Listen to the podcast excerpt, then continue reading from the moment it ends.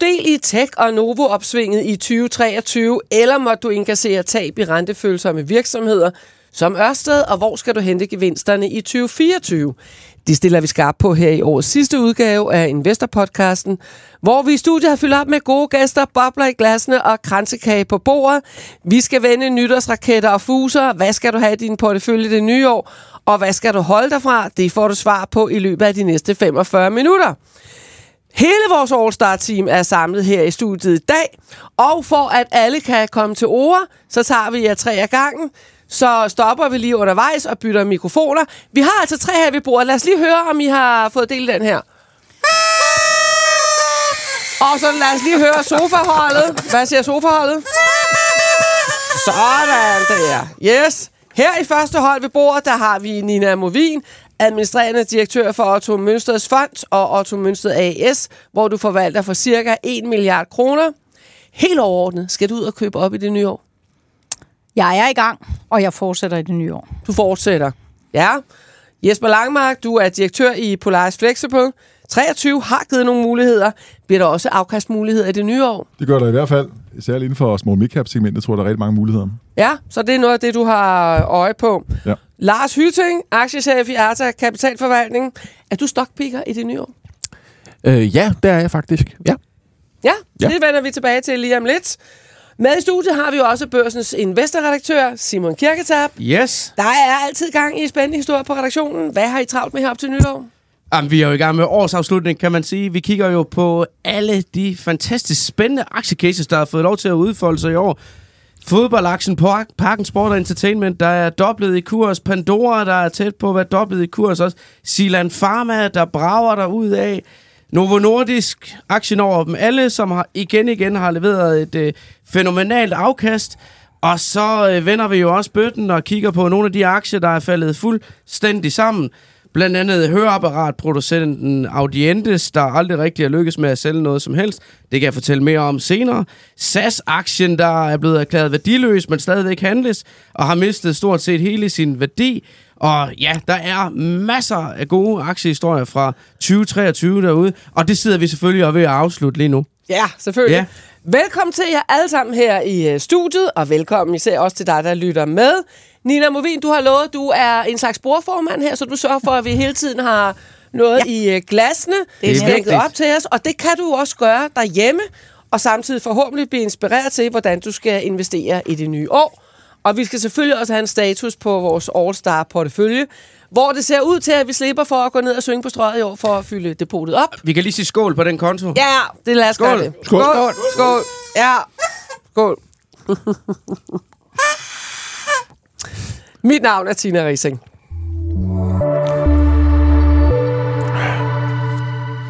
Nina, når du ser tilbage på året, der snart er gået, hvilke temaer springer der så i øjnene for investeringsåret? Jeg vil sige, at øh, rentestigningen har overrasket mig en hel del, og også at den ikke rigtig har påvirket selskaberne så meget. Til gengæld har det jo betydet, at vi har kunnet investere lidt i obligationer. Mm.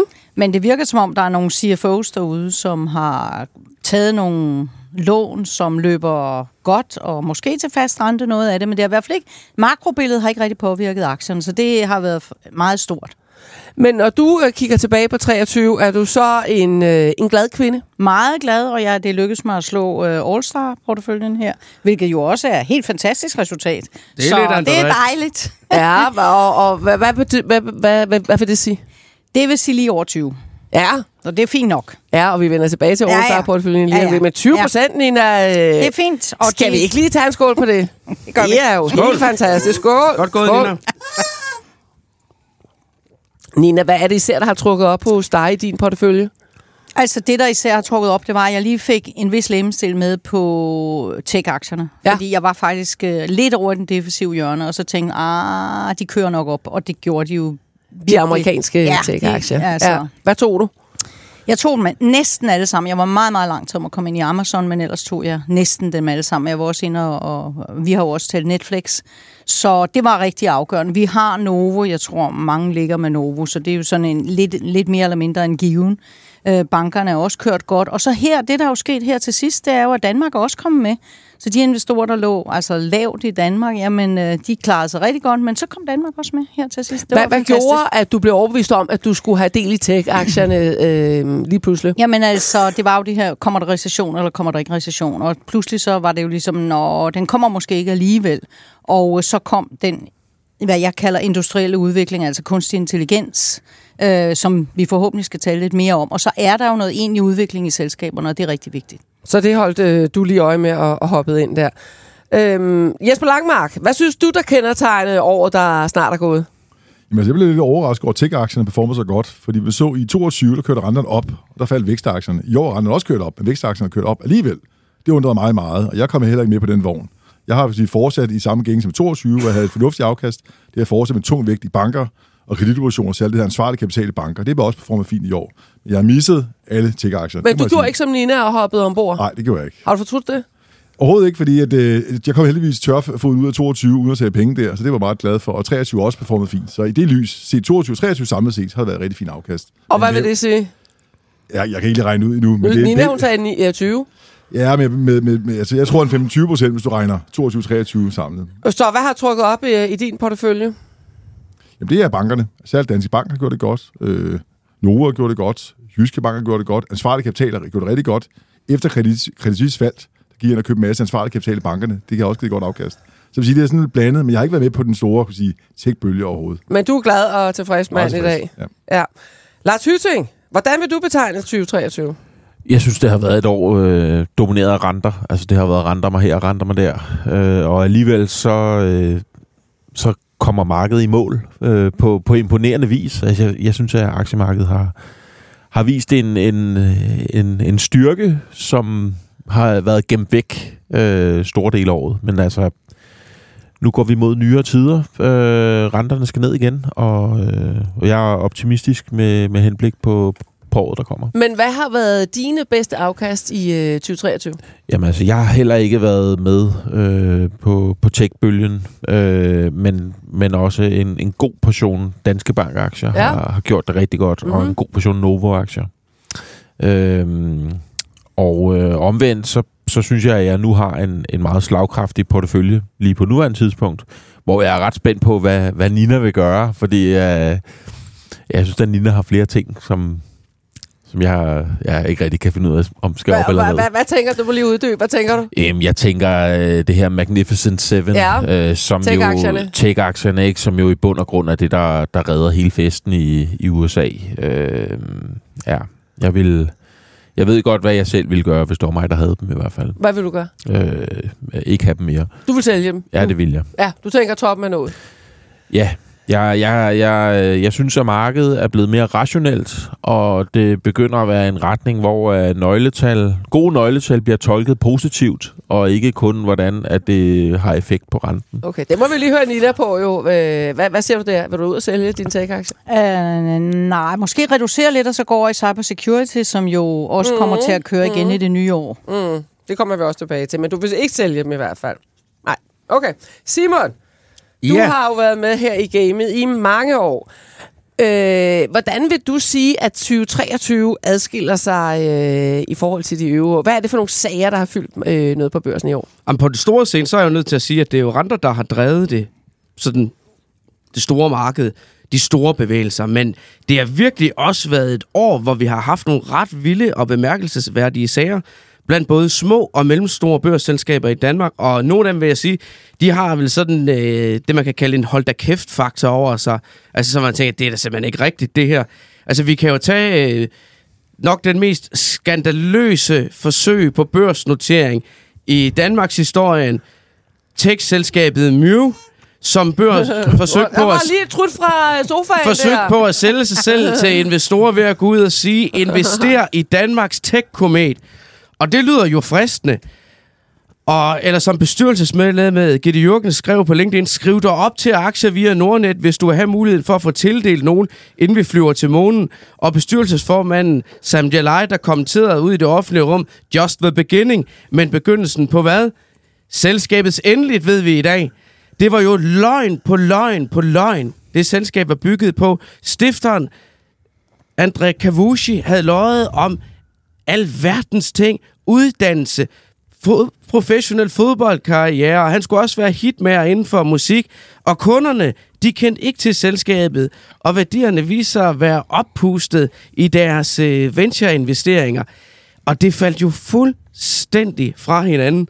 Så er der børsselskabet Audientes, som jeg også øh, nævnte i indledningen, som er en af årets værste danske aktier, hvor at øh, de gik jo på børsen og solgte sig selv som en af de her mulige, mulige øh, kursraketter for fremtiden, eller øh, aktiestjerner, og de vil sælge for for 28 millioner kroner øh, høreapparater i 2022, tror jeg, der var, var deres mål, at det gik på. Og det lykkedes dem så kun at sælge for 3 millioner kroner. Og det brugte de så til at gå ud og markedsføre sig massivt over for investorer i slutningen af sidste år, da de skulle hente nye penge, og omtalte det som et kommersielt gennembrud.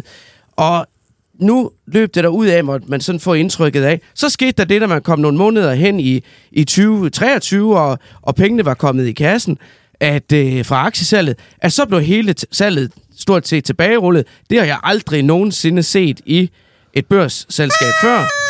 Og jeg har da trods alt set lidt af hvert inden for regnskabet. Jeg har en revisionsbaggrund, og det var da ikke alt, der var lige kønt dengang heller. Men det her, det var da, det var da alligevel nyt.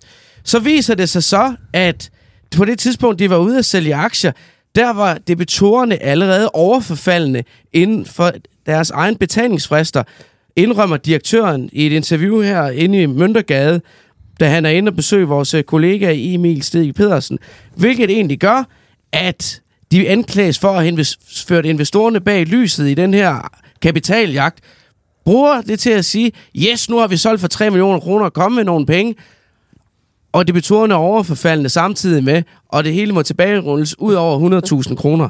Hvad, hvad, hvad siger panelet her til, øh, til de sager, Simon han, han riser op? Har I nogen kommentarer eller et trut? Jamen, det er et godt øh, stykke arbejde, du har lavet for at forhindre sådan nogle sager, at folk tager en masse penge på det. Men øh, jeg, jeg har ikke selv dykket ned i dem, må jeg sige, men det er meget skræmmende, det du har fundet frem det her. Ja. Det er jo i bund og grund bare en katastrofe. Altså, alt det, du lister, katastrofer. Det er jo sådan noget, der koster tillid til, ja. til børsmarkedet. Godt er det ikke. Så kan vi tage den store scene. GN Store Nord, der på den hårde måde måtte lære, at i sidste ende, det er det altså aktionærerne, der bestemmer i et børsnoteret selskab. Ledelsen de vil med et snuptag lige løse deres øh, gældsudfordringer og kapitalproblemer ved at gå ud og lave et øh, massivt øh, aktiesalg på, jeg tror det var, var det 7 milliarder kroner, Lars? 7 milliarder, ja. Du husker det jo ganske godt. Du var en af de aktionærer, der, der synes det var lidt træls. Det kan men, stadig fremkalde Marit. Men det var jo for at lige få visket bøgerne rene, efter de havde foretaget de her 8 milliarder kroner gældsfinansieret opkøb af SteelSeries gamervirksomheden på stort set det værst tænkelige tidspunkt på toppen af en højkonjunktur, til lave renter, og så forsvandt højkonjunkturen i den industri, og renterne de steg, og det var så ikke så godt. Og der, øh, der oplevede vi altså herinde på redaktionen, at øh, telefonerne de begyndte at, at ringe med jævne mellemrum for investorer, der ikke var så tilfredse med, at, øh, at de skulle komme med så mange nye penge, og det ville koste på, øh, på, på øh, børsværdien også.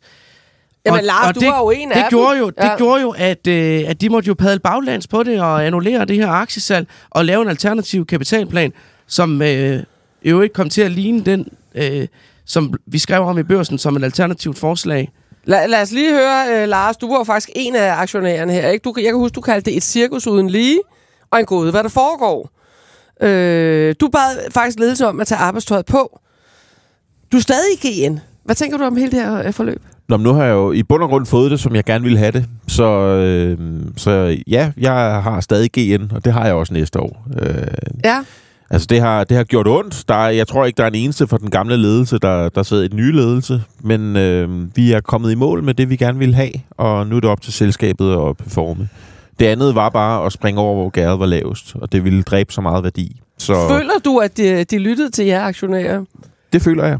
Ja. Øhm, og jeg fik også øh, lov at sidde her i podcasten og fortælle åbent, at vi stemte imod ja, til generalforsamlingen. Ja. Øh, altså, jeg synes, at alle lovlige knep gælder og, øh, i sådan en situation. Vi var også ude bare at købe aktier for at købe stemmer. Altså, var I det? Ja, ja. det var vi. Okay, øh, ja, for at stemme imod med for, alt, hvad der kunne røre. Ja, altså så, have ja. noget placing power bag, og, fordi jeg synes, jeg var så hårdnakket imod den beslutning at hente 7 milliarder. Jeg synes, det åh, jeg kan stadig blive arg, ikke? Så, øh, så ja, det Men du er stadigvæk i aktien. stadigvæk i aktien, og, øh, og endnu mere positiv end, end, øh, Okay. end Ja, vi er også stadigvæk i aktien i øh, All-Star-porteføljen jo, så den er løbet meget stærkt på det seneste. Det bliver vi ved med. En anden sag, der har gjort ondt ude i Investor Danmark, og som udspillede sig højst overraskende, det var jo Ørsted, som på en kapitalmarkedsdag i juni måned gav investorerne indtryk af, at det var business as usual i deres forretning.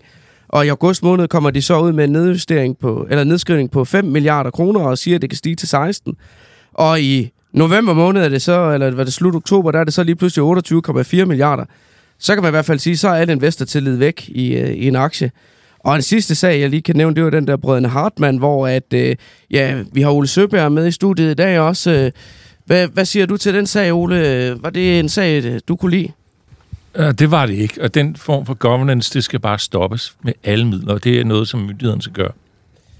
Og det var jo øh, storaktionæren Tornico, der øh, forsøgte på at tage øh, selskabet af børsen til, øh, til markedskursen. Og der kom jo også et øh, aktionæroprør, der kom til at fylde en del i børsens spalter, må man sige. Og der har jeg faktisk et øh, helt frisk citat, som måske øh, kan sætte lidt fod under Ole.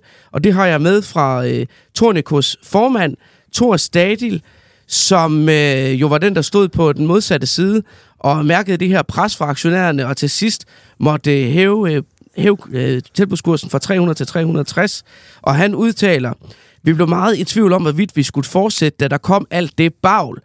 Vi var lige ved at sige, at når folk brokker sig så meget, så lader vi bare være. Havde vi stoppet processen med at tage selskabet privat, så var aktiekursen løbet ned i 200 til 250 igen, og så kunne vi købe aktierne meget billigere. Mm. Skal du lige have en kommentar til den, Ole? Det vil jeg vældig gerne. Jeg kunne foreslå, at øh, hovedejeren havde sat selskabet i fri udbud, og så se, hvad der var kommet ind med amerikanske og europæiske packaging, eller packaging virksomheder. De havde nok betalt lidt mere for det cashflow, der findes derinde. Så tror jeg, vi skal have en uh, skål. Ja, vi trænger Skål. til at skylde inden for 2023. Har I noget i glasset der i sofaen? Nina? Og dig? Mm. det var også uh, lidt tavligt. Og husk at tage noget kransekage også. Okay, nu har vi hørt øh, om 2023. Skal vi have en uh, breaker, Arjuna? Arjun er vores tekniker. Hans øh, vigtigste opgave, det er, at vi får de her breaker. Lad os kigge lidt fremad og høre på et godt investeringsår 2024. Jesper, hvor meget afkast regner du med til næste år? Jeg tror, de brede aktiemarkeder vil give omkring 10% i afkast. Men under det tror jeg, der er rigtig gode stokmuligheder, som vi talte om før, inden for særligt small midcap, som er meget overset. Bare kigge i, i Danmark her. Danske small cap er op 6% i år, mens de brede danske markeder er op 24%. Så inden for small midcap segmentet tror jeg, der er kæmpe store muligheder. Jeg er lidt bange for de syv store aktiemar- øh, sej- selskaber, som trukket hele aktiemarkedet. Altså tror, tech-aktierne. Ja, det tror jeg, de får lidt sværere i år. Mm, ligesom sige. Lars også var inde Ja. på. Nå, så skal vi lige høre, hvad er det for nogle øh, aktier, du ved, at stockpikke der på øh, small mid-cap markedet? Jamen, det er selskaber, som, som handler billigt. Altså, hvis du kigger på, på noget, small cap market generelt set, kan man se, at det handler jo til halv pris af de store selskaber at gøre. Og det er inden for det segment, jeg vil ikke nævne på spille navne her. Er Jo, rigtig fordi det er jo kun mellem os øh, her i studiet, øh, og så dem, der lige hører med jo, ikke? Så du så, lige så vil jeg og sige, midt, midtmarked, vi har jo allerede øh, Securitas, Ja. som er siger, midtmarkedsselskab. Det synes jeg er super spændende. Det har strukturel vækst og en øh, fornuftig vidensfærdsættelse. Det tror jeg også kommer til at performe ind i 2024. Så det er sådan et eksempel på et selskab, jeg tror, man kommer til at performe fint. Når vi kigger på rentemarkedet, nu regner alle folk med, at renten kommer kraftigt ned. Jeg tror også, at renten kommer ned, men kommer ikke tilbage til det gamle niveau, vi tidligere har set. For der er nogle strukturelle udfordringer. Den offentlige gæld er jo strukturelt stigende i stort set alle lande. Så kommer enormt stort udbud af statsobligationer i 2024, som vil presse og holde renterne oppe på et vist niveau. Derudover, den offentlige sektor, der er masser af investeringer i infrastruktur til elektrificering af hele verden, øh, grønne investeringer, der er investeringer i forsvarsindustrien, så der er masser af pres på de offentlige budgetter. Det gør bare, at renterne kommer ikke ned, som vi har set tidligere. Plus, at tidligere havde vi det her QE, det har du ikke længere, hvor hvis staten eller centralbanken køber obligationer op. Det gør det ikke længere, det gør det modsatte.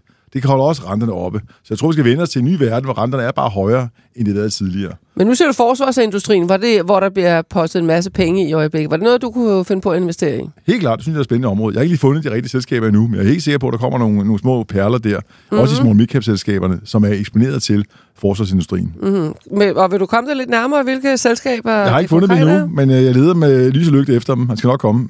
Ja, det glæder vi os til at høre mere, mere om. Men, øh, og hvad, hvad, hvad giver du i øh, afkast? Øh, hvad regner du med i small midcap? Jeg tror, der får omkring 20 procent næste år. Okay. Så du vil op og, og ramme Nina. Fornuftigt. Ja. Altså, de har, de har underformet sidste mange år meget markant, og det er jo sådan et overset segment af markedet. Jeg tror, det står for en god periode nu her. Small midcap. Jesper, small midcap, er det også dig? Du sagde Han hedder starten... Lars. Lars. Nå, Den, den, må jeg, den må jeg tage. Skal vi lige tage en skål? ja, det tror jeg. Ja, jeg synes heller ikke, du reagerede. Ja. Lars, var bedre. vil du sagde i starten, du ville stockpicke.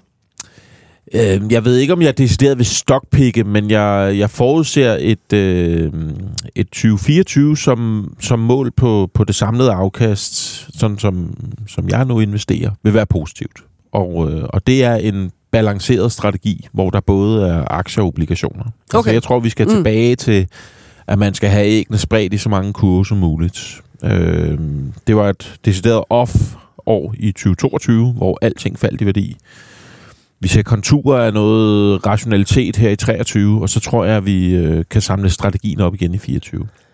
Jeg er lidt usikker sådan på de brede indeksvejene. Øh, igen, så er jeg lidt ind omkring det her med de store syv øh, i USA, som jo vejer en tredjedel af S&P. Øh, og, og det er meget.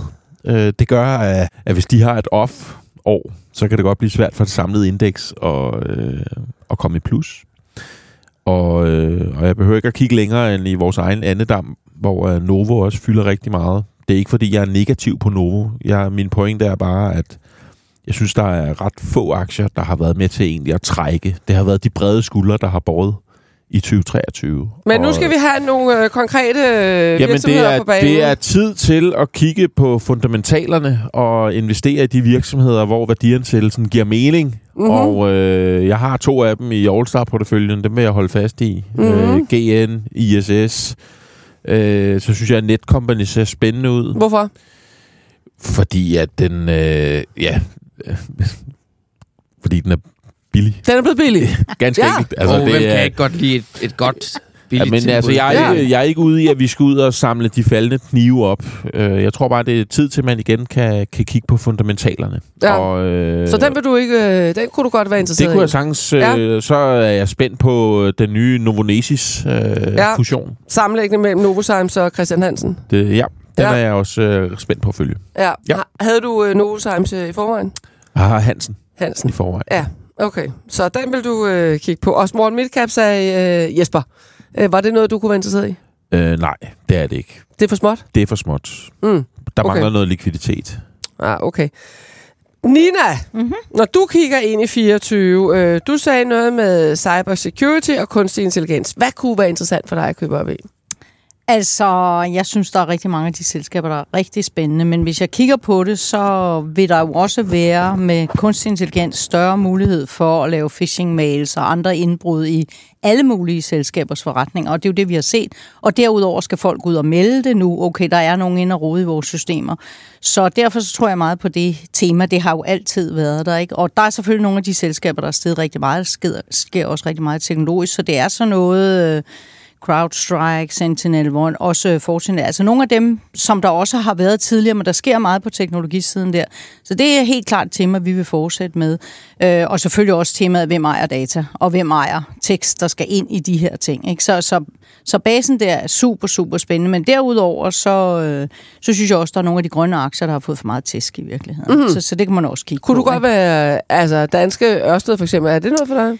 Uha, øh, jeg har været inde og, og, og kigge lidt frem og tilbage, og jeg tror jo på, at mange af de her ting, som de jo også har bragt op, øh, de bliver ændret. Altså nu har vi set, der er kommet nye kontrakter, hvor, hvor øh, køber tager inflationsudviklingen, for eksempel, som har været en af de, de store debatter. Ikke? Så køberne er godt klar over, og vi bliver også nødt til at give os lidt.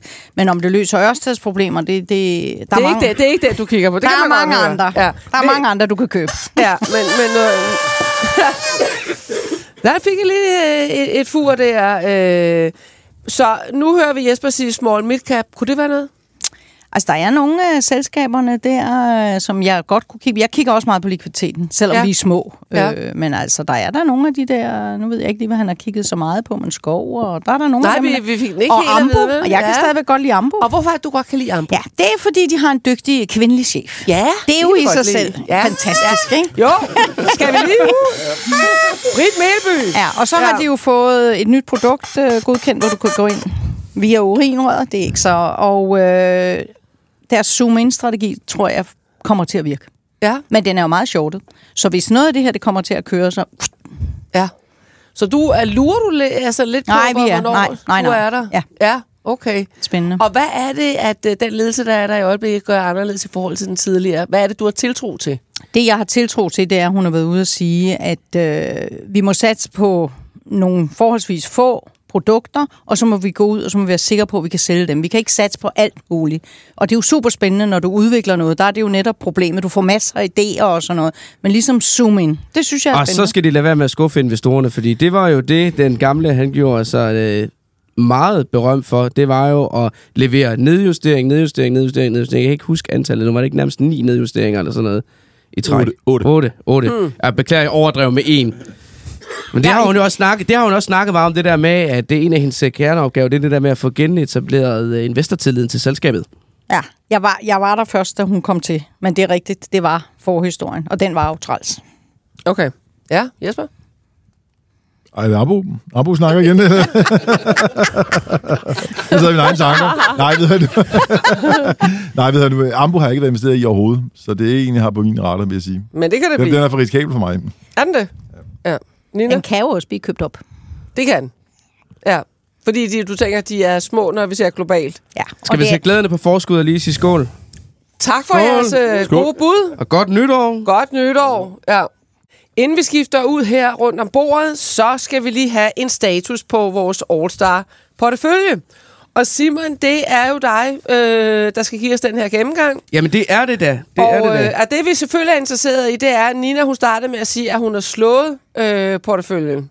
Ja, Og hvad, så skal du fortælle, hvordan ser det ud med porteføljen? Jamen altså, i dagens helt særlige anledning, så har jeg simpelthen printet det, der hedder en portefølje-rapport inden fra Saxo Bank, hvor vi kan sidde og bladre lidt i. Det lyder lidt langt. Jamen, det skal nok Ja. være med at gøre det for langt. Men det, der er det, der er det vigtigste, det er det, der står på allerførste side.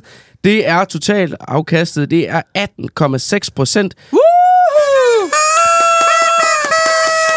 Og i kroner og øre, så har vi forøget de 600.000 kroner til 700 og næsten 11.000 kroner. Så det er jo fremragende. Det er flot.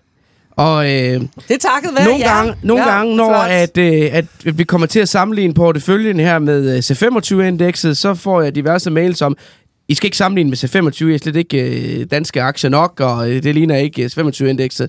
Men vi har slået C25-indekset big time. Og så er det rigtigt nok, hvis man kigger ud på nogle af de sådan større globale indeks, de amerikanske og så videre, så ligger vi lige i slipstrømmen af dem. Men vi har ikke haft nogen af de der Magnificent Seven eller Novo Nordisk eller, øh, eller det slags. Vi har været ude og håndplukke vores egne trækheste til porteføljen, og øh, nu er det jo næsten lidt synd, du sidder om i sofaen, øh, Ole Søberg, fordi øh, du har jo leveret Hexagon øh, Composite til, øh, til porteføljen, og den har jo simpelthen været helt fantastisk. Den har øh, givet et øh, afkast i kroner og øre på 31.000 kroner, den aktie. Og derudover så har vi fået en ekstra aktie ind, fordi den blev splittet, Hexagon Purus, og den har givet 9.000, så alt i alt 40.000 kroner i afkast på den aktie alene. Og så var der SimCorp også. Og når du kommer op til bordet her i næste runde, Ole, så skal vi jo have SimCorp champagne, som du lovede dengang, at de blev opkøbt. Og den glæder vi os til at smage. Ja, man kan bare konstatere, at det er dyrt at vinde, fordi man skal jo selv tage champagne med. Sådan er spillereglerne her i All Star teamet. Og derudover så er der jo GN Store Nord, som vi har kæmpet noget med i året, men som er løbet ekstremt stærkt her mod slutningen, da renterne begyndte at falde, og de fik ny topchef, og han fik sagt nogle gode ting i et interview i børsen. Så der ender vi alligevel med at lave et øh, positivt afkast på 10% på den i år. Så øh, det er jo okay, Lars. ISS Ah, knap så godt. Øh, Der er vi nede med 15% på året, så vi må håbe, at øh, når du nævner den som top pick øh, på året, at øh, det så ender med at gå øh, lidt bedre. Jamen altså, jeg er ked af, at året slutter nu. Jeg gad godt det lige, at vi havde tre måneder mere at løbe på, men så er der bare så meget mere at glæde sig til i 24. Så er der Mørk, Nina, som var en god trækhest øh, sidste år. Den endte vi altså med at tage penge på i år. Øh, minusafkast på knap 8%, men den har vi også fået solgt ud. Netflix til gengæld, vi ejede en meget kort periode. Og den lavede vi jo 23.000 på 30% på øh, rekordtid. Det var et rigtig godt øh, pick. Det var bedre. Jeg fik skiftet. Ja, det må man sige. Det må man sige. Og tryk, som du valgte at sige, det var sådan en placering, vi kunne lægge lidt i, øh, i, i læge af øh, for nogle måneder siden. Den har altså leveret 8% i afkast siden 6.000 kroner, så den, øh, den var også ganske fornuftig. Så er der ABB, du købte. Den endte med at gå nogenlunde i 0. Adidas, der kom ny topchef ind, købt ind, og vi lavede 8,6% på den. Så øh, godt gået med dine øh, Tak, tak. stockpicks der. Ja. tak, tak. Så er der smertensbarnet Alibaba, som er den øh, aktie, vi har tabt mest på i år. Ned med 27 procent. Øh, Ole, den må vi snakke videre om, når du kommer op til bordet her om lidt. Så du skal ikke have alt for meget ved, selvom du har lavet de to øh, fantastiske investeringer der. Så er der Asbury, øh, Jesper, som du havde, den her amerikanske automobilforhandler, den lavede vi lige, et, prø- lige godt og vel øh, et par procent på, inden vi købte Danske Bank i januar. Og den øh, ser rigtig godt ud. 24,6 procent i afkast. Og omregnet til kroner, 17.200. Er det en, vi skal holde? Det synes jeg. Det ser jeg også øh, i øh, sidste uges udsendelse her, at øh, jeg tror, der ligger til 5% yderligere Danske Bank i 2024. Det kan vi jo håbe på. Det kan vi håbe på. Og så øh, dukker der en af dine aktier op her, øh, Peter Bækgaard Elekta, hvor du øh, yndede at skælde ret meget ud på ledelsen, at øh, du synes ikke, de var dygtige nok til at allokere kapital. Endte med at sælge den, selvom vi tjente 8.500 kroner på den i året. Ja. Og Er du ked af, at du solgte den? ja, vi kunne da godt have holdt den i år, ikke? fordi den har klaret sig okay i år. Men altså også fordi de rent faktisk i år har leveret bedre end forventet, og har slået forventningerne øh, tre eller fire gange øh, i løbet af året, så det er rigtig godt. Så er der vores olieaktie, International Petroleum Corporation. Den kommer vi ud med et øh, fornuftigt afkast på, fordi at øh, dollaren den er steget. Aktien er, eller aktien er altså minus i sig selv, men øh, vi har tjent knap 5.000 kroner. Porsche AG, hvor vi kom til at købe den forkerte aktie. Ole, kan du huske det? Det var der, øh, vi købte... Øh, Du sagde vi. Det var dig, der købte den forkert. ah, det var, det var, det var, det var ude, det var ude på handelsgulvet i Saxo Bank. Så, Mercedes, og så lavede vi den over i Porsche, og solgte Porsche kort tid efter ja. uforandret, og så gik vi over i de der hexagoner. Det fungerede okay. Så kan man bare konstatere, at det var Alibaba, vi skulle have lavet. Men det var nok derfor, jeg måtte tage champagne med i dag i virkeligheden. Men vi lavede ikke den store skade, heldigvis. Vi tjente 400 kroner på, øh, på det fejlkøb, så ja. Det var en, øh, det var en god rundtur øh, rundt i øh, porteføljen. Det lyder rigtig godt. Og det vil jo sige, at der er jo så altså overskud på, på kontoen. Ja. Og hvem er det så, der skal have penge? De skal jo gå til et godt formål. Jamen, det skal vi jo skændes om i den kreds her. Vi har fået øh, masser af gode forslag ind, og vi er ikke øh, nået frem til noget endeligt endnu, og vi har jo også lige nogle dage til nytår, så altså, man ved jo aldrig, der kan jo komme et par konkurser inden 31. 12. der kan, der kan smadre afkastet. Så øh, Ah, ah, det mund håber dog, vi ikke. mund dog, det håber vi ikke. Det håber vi ikke. Så, øh, så, så, så, så, hvad vi- er processen øh, herfra? Jamen altså, vi håber jo på, at øh, vi i løbet af januar måned kan nå frem til øh, selvfølgelig et resultat på, hvad det samlede afkast ender på, men også øh, hvem der skal have de penge her. Og øh, jeg synes da lige, vi skal have et par trut i hornet her, og så videre, fordi det er da fantastisk, at... Øh, det er da fantastisk, man kan lave sådan et afkast, og så sende det til et godt formål. Så dem, der siger, at øh, kapitalismen den er rent dyrket ond, de har ikke lyttet øh, Børsens Investor podcast. Jeg synes, vi skal sige godt gået til hele vores øh, All-Star-panel. Og tusind tak for Tusind indsatsen tak. til alle. Ja. Skål. Skål. Skål.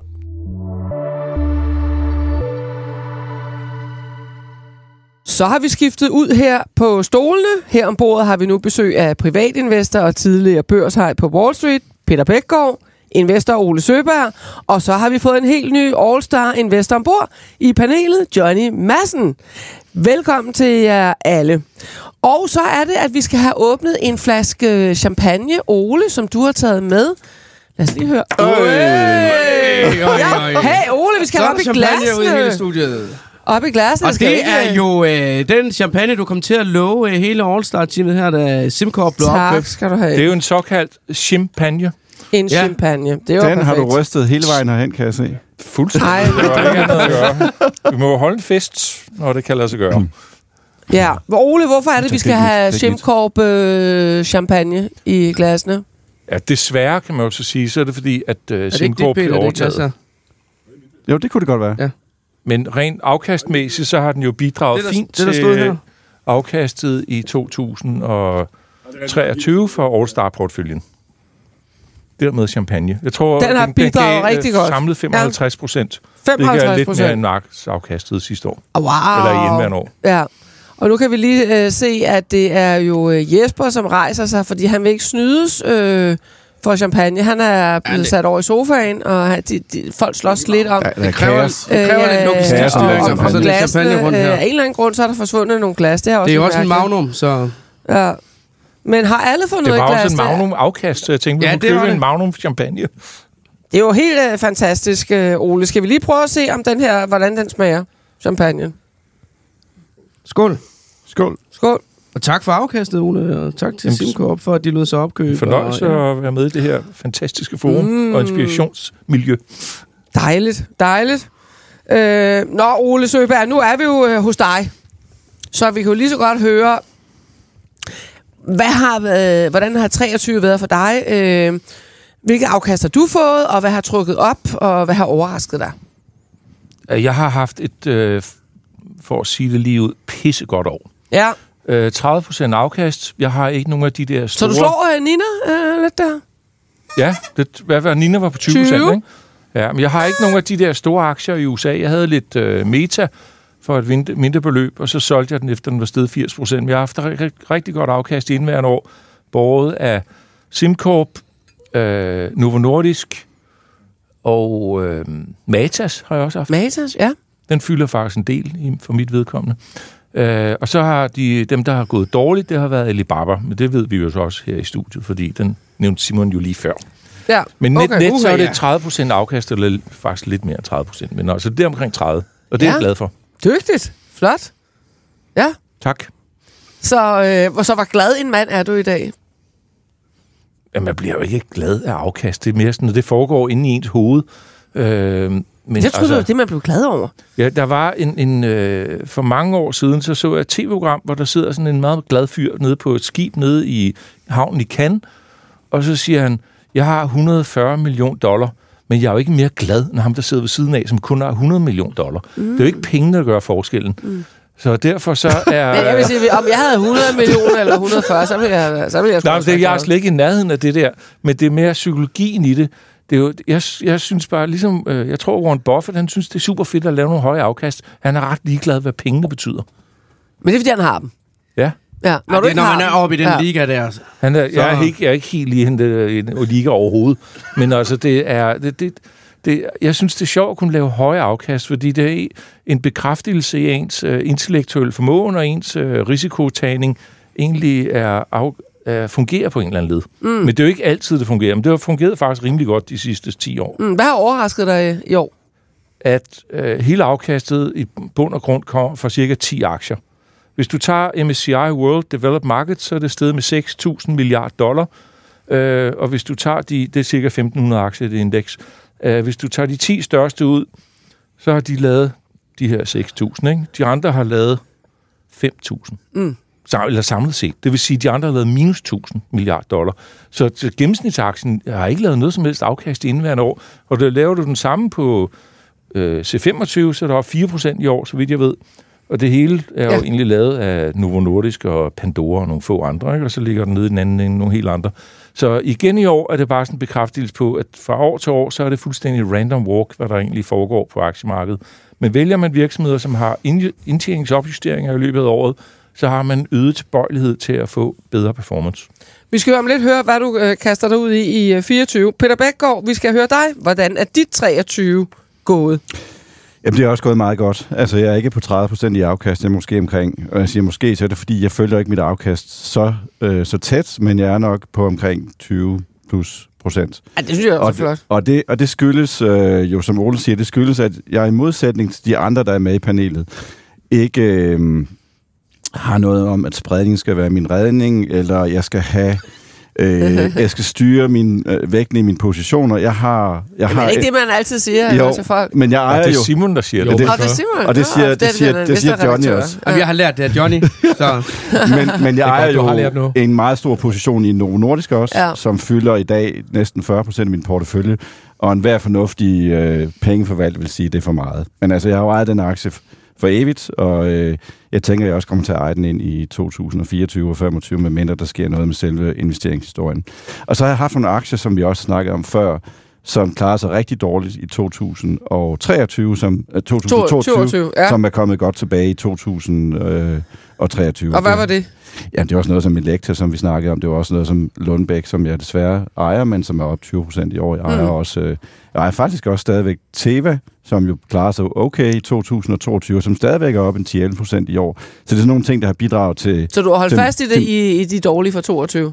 Ja, det har jeg. Ja. Øh, det er jo fordi, min holdingperiode er ligesom Warren Buffets øh, yndlingsholdingperiode er forever. Ikke?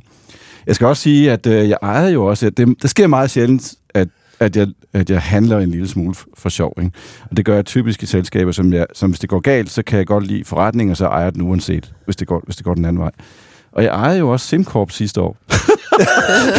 og så lavede jeg den der, som privatinvestor gør, med, at ved årets udgang, der skulle jeg... øh, Der, der, Og for i år har det så været. for i år. Undskyld.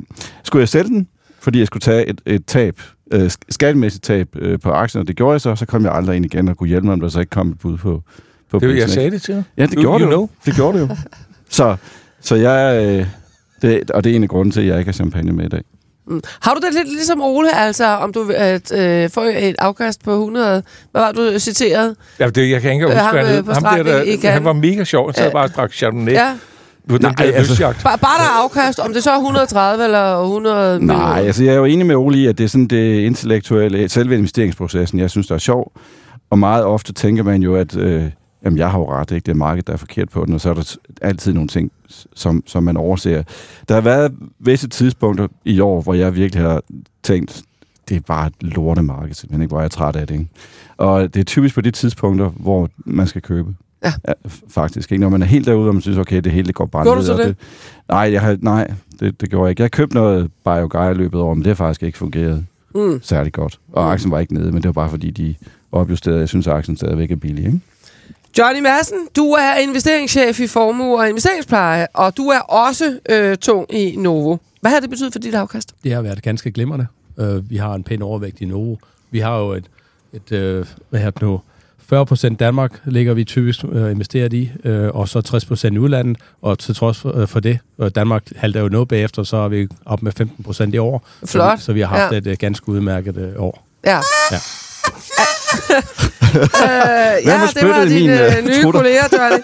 Det er rart at høre. Øh, men og, er du tilfreds øh, med afkastet? Ja, det er jeg absolut. Jeg har ikke regnet med, at det kom til at gå så hurtigt, øh, men efter et øh, svært 2022, ikke? Men altså, man kan jo sige, at 2023 har været øh, underligt, øh, som Peter siger. Øh, jeg skriver også en gang imellem med Peter, eller, eller faktisk rimelig ofte, og han har virkelig mistet, øh, været tæt på at miste humøret nogle gange, ikke? Men det har generelt været i 2023. Altså, jeg, jeg har lige været rundt i, i landet og holdt indlæg for vores øh, kunder, og jeg, min overskrift var, dommedag er aflyst igen. Det, det oplevede vi to gange i løbet af 2023. I starten af 2023, jamen, der var alt sikre på, at vi skulle ned i et stort økonomisk sort hul. Så skete det sørme ikke. Verdensøkonomien, det var endnu en gang mere øh, holdbar, end man regner med. Mm. Og så her i efteråret, der var, der med renterne higher for longer, det blev så higher forever, fordi inflationen kom aldrig ned, og folk de øh, smed aktier og smed i lange obligationer, lige inden at øh, inflationen tordnede ned. Mm. Så der igen har det vist, hold nu fast i den investeringsstrategi, og lad med at blive øh, hvad det nu, øh, bange for de her kortsigtede udsving. Men du var lige lidt inde på det før, øh, din øh, for, fordeling. Novo er tung i. Hvad, hvad har du ellers?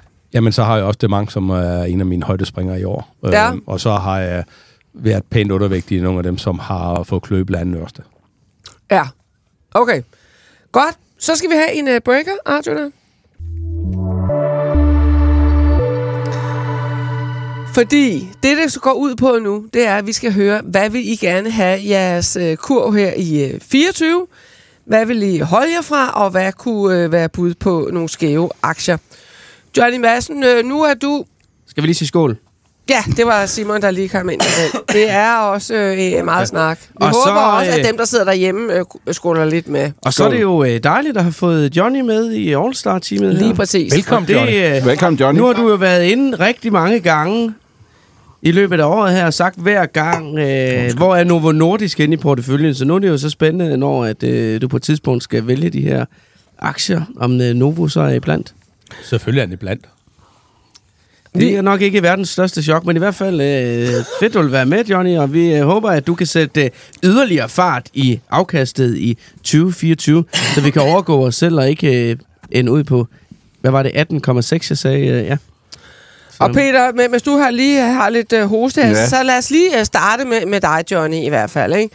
Øh, du er ny ombord her jo, og øh, ja, hvad tænker du om øh, dine kolleger her? Er, er der sådan en, tænker du, at der er sådan lidt intern konkurrence om, hvem der gør det godt? De har gjort det fantastisk godt med det afkast. Det må jeg sige. Stor, Ja. ja. stor respekt for det.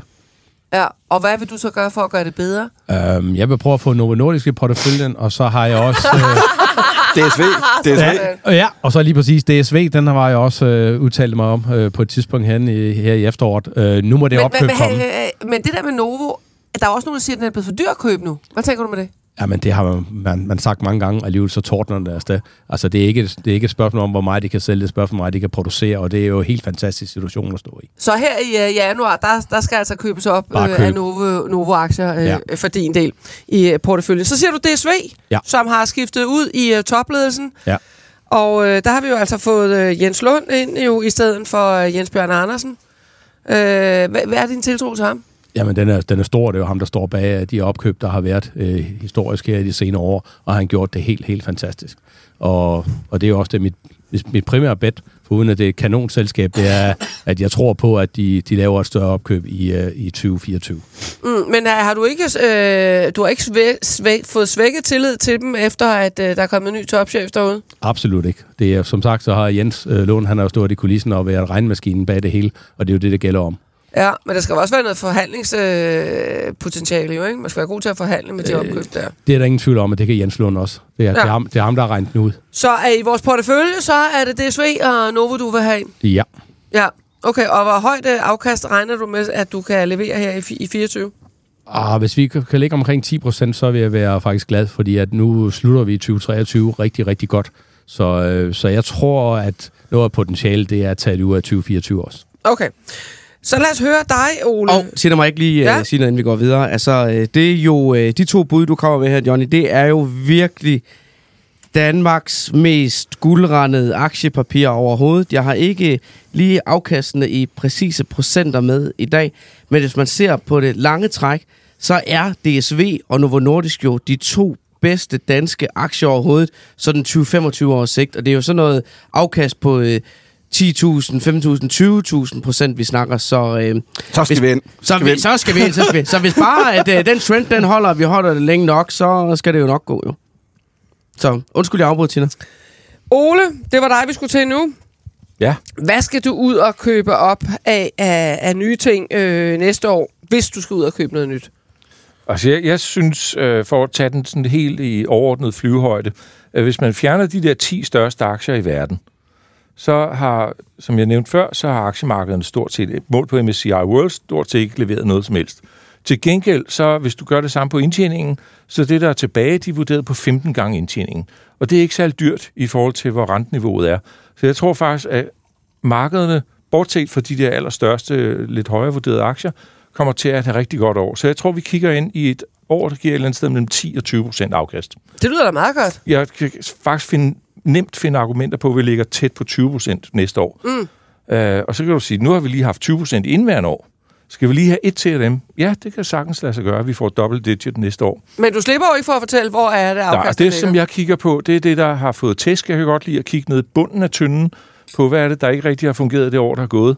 Og der ligger for eksempel virksomhed som Royal Unibrew, vi havde Ja. i studiet, og Ja. sagde, jeg vil ikke investere i den, før jeg kan se 15 procent Ja, afkast der om havde vi året. chefen på besøg. Og det var ja. den på 440. Mm-hmm. Så der købte jeg ind i den. Så det kan jo også være, at den skal skiftes ind i portføljen, selvom jeg har Alibaba og Composite, Hexagon Composite inden for øjeblikket. Den anden, som jeg synes er interessant, efter den har fået en på goddagen, men altså bounced en lille smule, det er Alcabello. Ja. Øh, for at tage dem på de danske, den synes jeg faktisk ser rigtig interessant ud. Øh, der er en ny direktion, og ikke bare på CEO-posten, men faktisk på flere poster. Det er den, det punkt, som jeg nok er mest øh, skeptisk over for. Når du skifter tre ledelsen ud inden for et års tid, øh, kan vide, hvordan spillerholdet så lige ser ud her øh, det næste stykke tid. Hvis det var fodbold, og du lige pludselig havde fire nye spillere på banen, ud af fire mulige, så vil du tænke, hvad, vi skal lige se, hvordan de spiller først. Ikke? Mm. Men den, den tror jeg godt, man kan satse på. Men jeg ved ikke, om jeg putter den i porteføljen på nuværende tidspunkt. Men du køber dem selv til din egen øh, portefølje. Ja. Og Det jeg har også Alibaba selv. Ja, lad os og lige det, høre, det er mit wildcard for næste år. Den har altså siden nytår sidste år tabt 18 procent i værdi. Ja, det er, jo, det er jo, jeg ved ikke, vi har sådan et, vi skal have sådan en øvhorn i stedet Ja, for de her festhorn, ikke? Hvor er øvhornet? Øv, øvhornet. Ja. Simon var jo så sød at fortælle om øh, det fantastiske afkast i Alibaba. Yes. Øhm, den er super billig, øh, de vinder markedsandel, de har super cashflow, bla bla bla, det hele kører.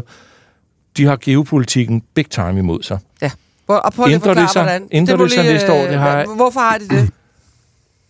Hvorfor de har det ja, du må lige fortælle lytterne, hvad er det, Ja, du det ser er af en problemer lidt der. længere lang historie, men øh, Sea er jo ikke helt vild med de der superkapitalistiske virksomheder, som har skabt enormt meget velfærd på det kinesiske marked, fordi velfærd i Kina begynder at vokse, men Kina er i bund og grund kommunistisk land. Og de er jo ikke helt vilde med kapitalismen. Det giver sig selv, bare nord, nordene her. Og det er jo der, at øh, skoen trykker. Mm. Og jeg tror, jeg ved, om det der snørbånd løsner sig næste år, og der kommer en eller anden øh, blød mellemvej, det skal tiden vise. Men øhm, jeg tror det ikke. Men alligevel så er øh, Alibaba priset som om, at der ikke findes Alibaba henne i 2028. Så jeg Nå. tør godt blive liggende i den aktie. Altså, nu har vi jo en investor med øh, over på, på sofarækken her, som, øh, som øh, fortalte om lidt tidligere, hvor vild hun var med øh, tech-aktier, så måske vi skulle lige bede om at få en second opinion på Alibaba. Hvad siger du, Dina? Jamen, man bliver jo fristet, men øh, jeg tror nej. Det er geopolitisk, øh, jeg tør ikke. Så det blev nej for Nina til den, men du holder fast. Ja, vi, det er jo inspirationsprogram, det her. Så jeg, Absolut, absolut. Det var da den bedste sætning øh, længe. Øh, Men Ole, du, du, du virker lidt som om, øh, du har lidt svært ved den der disciplin der med, at man skal huske at tage sin tab. Ja, men jeg har ikke noget mod at tage et tab, hvis der er en fundamental ændring i selskabets retning. Og det er der jo ikke med Alibaba. Indtil videre så fundamentalt kører de i den rigtige retning, så du får højere og højere risikopræmie på den, i takt med, at den geopolitiske situation spidser til. Og så har jeg prøvet at kigge ned i historiebøgerne, hvad findes der, hvordan var Bayer-aktien vurderet i 1938, 39, 40. Og der er Okay. sgu ikke noget, der tyder på, at øhm, øh, der er ikke, der er ikke, det kan gå hvilken som helst vej, man øh, ønsker. Jeg synes, det er imponerende, det er lykkedes for dig at finde data så langt tilbage. Nu, er det blevet, nu skal vi til Peter. Vi skal høre, Peter, hvad kigger du på i øh, 2024? Hvad, hvor kunne de store muligheder ligge? Ja, for mig, jeg kigger lidt på, der er nogle selskaber, jeg følger tæt, som jeg ikke ejer. En af dem er Pandora, som jo har gjort det fantastisk i 2023.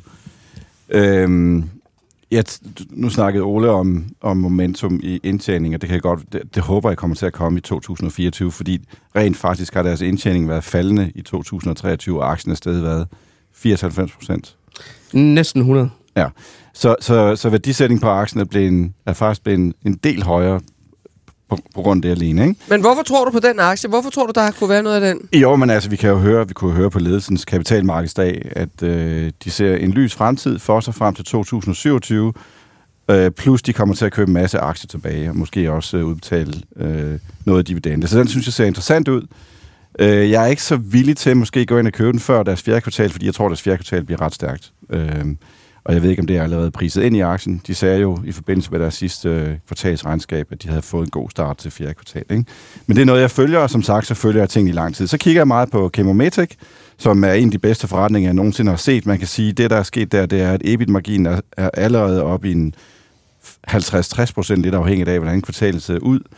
De har øh, set et fald i salget af deres øh, maskiner, celletællere, men sælger stadigvæk godt på forbrugsvarer og service. Jeg tror, der er et inflection point der, hvor salget af deres celle, cellemaskiner kommer til at stige igen. Der kommer aktien også til at, at lave et større, større ryg. Meget interessant øh, selskab, som, som jeg følger. Så er der nogle af de der selskaber, som var big time covid-vinder i, i 20 og 21. Det var blandt andet Thule og Mips, som øh, faktisk har været tabere indtjeningsmæssigt i både 22 og 23, som jeg synes er interessant ud for, for 24, fordi der også kommer det her med, at de går fra, at, at de har haft negativ vækst i en del kvartaler nu, til at, at det ser ud som om, at øh, vækstkurven vender. Øh, og jeg har snakket lidt med de selskaber, selskaber der. Det, den der vækst, det der inflection point, bliver udskudt nogle gange. Jeg tror, det kommer i løbet af første kvartal, anden kvartal 2024. Og så kunne de godt blive interessant igen. Jeg ejer selv MIPS i, øh, i porteføljen. Thule, mm. Thule synes jeg også er interessant. Mm. Så det er der, hvor jeg kigger. Det er der, det er der, du holder øje. Ja. Simon, lad os lige høre investorredaktøren, om der er nogle øh, særlige aktier eller skæve aktier, vi skal holde øje med her i øh, 24. Ja, men for et par uger siden, der fortalte jeg om, at hvert år, der laver jeg den her liste med fire aktier, jeg i hvert fald synes, det er værd at holde øje med.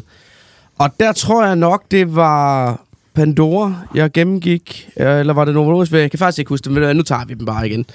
Ørsted. Altså, investorerne i energiselskabet, de har jo fået deres andel af chokterapi det seneste år. Vi har snakket om, at bunden den røg ud af aktien. Så er 94 procent, øh, 74 procent nede siden toppen fra det her, hvad det her attraktive øh, papir, som investorerne de jagtede på grund af selskabets profil inden for vindenergi, der er historien jo vendt til investorflugt. St- og stigende renter har jo presset øh, prisen på de her højt prissatte aktier generelt, men det har også skabt udfordringer i også deres forretning. Øh, de har blot øh, droppe de her projekter blandt andet, og investorernes tillid til selskabet er fuldstændig flosset. Så altså, det er jo meget, meget spændende at se, om de kan vinde investorernes tillid tilbage. Kan aktiekursen vende rundt? Det, øh, det er jo nok sådan en, hvor man, hvor man skal se det, før man, man tør tro det, fordi der ser ud til, der er masser af, af udfordringer derude. Så er der Pandora. Peter, den har jeg også øh, med på min liste her. Altså, mm. Vi kender jo selskabet som øh, en, der har taget nogle ordentlige ture op og ned i børsmarkedet. De, de, er det 12 år, det har været på børsen nu? Ja. Øh, og 2023, det står jo så tilbage som et af de helt store øh, jubelår. Og det var jo blandt andet den her nye strategi på kapitalmarkedsdagen i London i efteråret, hvor at, øh, de går efter det her organisk vækst på 7-9%, og den her EBIT-margin på 26-27%, øh, og de øh, stiller aktietilbagekøb i udsigt, og hvor vi også øh, har snakket ind i det her med, at det kan doble, doble indtjening per aktie frem mod 2026. Altså hvis de kan holde den kurs, jamen så tror jeg da også, at den aktie den, øh, kan løbe videre. Så er der Novo Nordisk, som jo, øh, vi skal lige huske at nævne også, at øh, 2023, det blev jo året, hvor at øh, de to titlen som Europas mest værdifulde børsselskab øh, foran øh, det franske luksuskonglomerat øh, LVMH. Og det var jo den mest lyttede podcast i år, den, øh, hvor vi kunne konstatere i rubrikken, at øh, nu var Novo blevet Europas mest værdifulde børsselskab. De har leveret et salg på, øh, de leverede et salg på 177 milliarder i øh, 2022, og efter at have leveret opjustering på opjustering, øh, stod de her øh, senest i december til at levere en salgsvækst på mellem 32 og 38 procent i 2023. Og sådan, man må jo knibe sig selv i armen. Altså, hvor langt øh, kan det her løbe? Så øh, kan der komme udfordringer på vejen, og kan de holde dampen op på salgsvæksten? Og den eneste udfordring, der nærmest øh, virker til, at der har været på vejen, det er jo det med at holde produktionen oppe. Og der bliver jo investeret massivt i Produktion. produktionsapparatet, så øh, mm-hmm. vi må se. Det bliver spændende. Og så er der Silan Pharma. Den sidste af de fire, jeg ligesom har udvalgt, som jeg synes, der bliver ekstra interessante, det er jo øh, også over i, øh, over i væksttabsafdelingen. Øh, de har en pipeline af, af udvikling, produkter under udvikling. Og det er jo nok mest af alt det her med, om selskabet kan ende med at blive en opkøbskandidat. Vi ser det her fear of missing out blandt nogle af de helt store medicinalselskaber. Senest med Roche, der smed 19 milliarder kroner på bordet for det her Carmot, for at få en fod indenfor på markedet. Og der kunne Silan måske være, være en af de næste, som en af de andre større medicinalselskaber ville, ville gå efter. I nikker, kan jeg se, så I synes ikke, jeg er helt uh, galt afmarcheret. Ja, vil du sige noget, Johnny? Øh, meget, meget enig i din vurdering, og jeg synes specielt også, det bliver meget, meget spændende at, at, at følge. Øh, det helt afgørende bliver, om de kommer ud med nogle flere chok øh, ned, nedskrivninger her i, i starten af året, for ellers så er renterne er kommet ned, og som vi jo er inde på, øh, at så begynder det også at blive bedre med hensyn øh, til deres, øh, når de skal, når de skal give, give bud, hvor, øh, hvor det bliver mere og mere attraktivt nu igen. Så, øh, så det kan godt blive en af vinderne i 2024, men risikoen er høj, fordi der kaster I det væk gennem sig lidt øh, nedskrivninger. Det skal vi bare være opmærksom på. Ja, det er jo sådan en mulig øh, comeback-aktie, men også med ekstrem øh, høj risiko i. Og det er netop det der med, når man først har oplevet det der en gang med, at de siger, vi nedskriver fra 5, det kan blive 16, og det så lige pludselig bliver 28,4, så kan man jo ikke lade være med at tænke, "Nå, hvad bliver det næste så? Skal vi ikke lige, øh, de skal lige have den her? Uh, det er en tiger. Man kan næsten bruge de her øh, truthorn som øh, breaker. Fordi vi er skal til en breaker. Vi er ved vejs ende af vores øh, nytårsudgave af vores Investor Podcast. Tusind tak til alle jer, som har bidraget til at få den her i kassen, kan man øh, godt sige. Og øh, vi må jo se, øh, Simon og alle jer andre, hvad porteføljen den lander på her ved årsskiftet. Der er jo stadigvæk par handelsdage tilbage. Og hvad pengene overskud skal bruges til. Det bliver så spændende. Ja, så godt nytår til alle derude jo. Andet altså, og godt investering så, og Også lad skål på det, og Jeg vil lige sige skål tak. på afkastet, og det hele. Ja, det kan vi er godt. det bedste for 24? Ja, det kan vi godt se. Skål, skål. Skål. Skål. Jeg synes lige, vi er retfærdigt, vi skal sige, at andet hold i studiet i dag, det var Peter Bækgaard, privatinvestor, investor Ole Søberg og investeringschef chef Johnny Madsen, vores nye All-Star investor, øh, samt investorredaktør Simon Kirketab. Ja, du har været med hele vejen igennem jo. Og Jonas Sørensen, du øh, stod for teknikken, det gjorde du også hele vejen igennem. Mit navn er Tita Rising, jeg var der også hele vejen. Som Simon siger, vi ønsker jer alle et godt og lykkebringende nyt investorår. Tak fordi du lyttede med, og godt nytår til alle. God. God. Skål.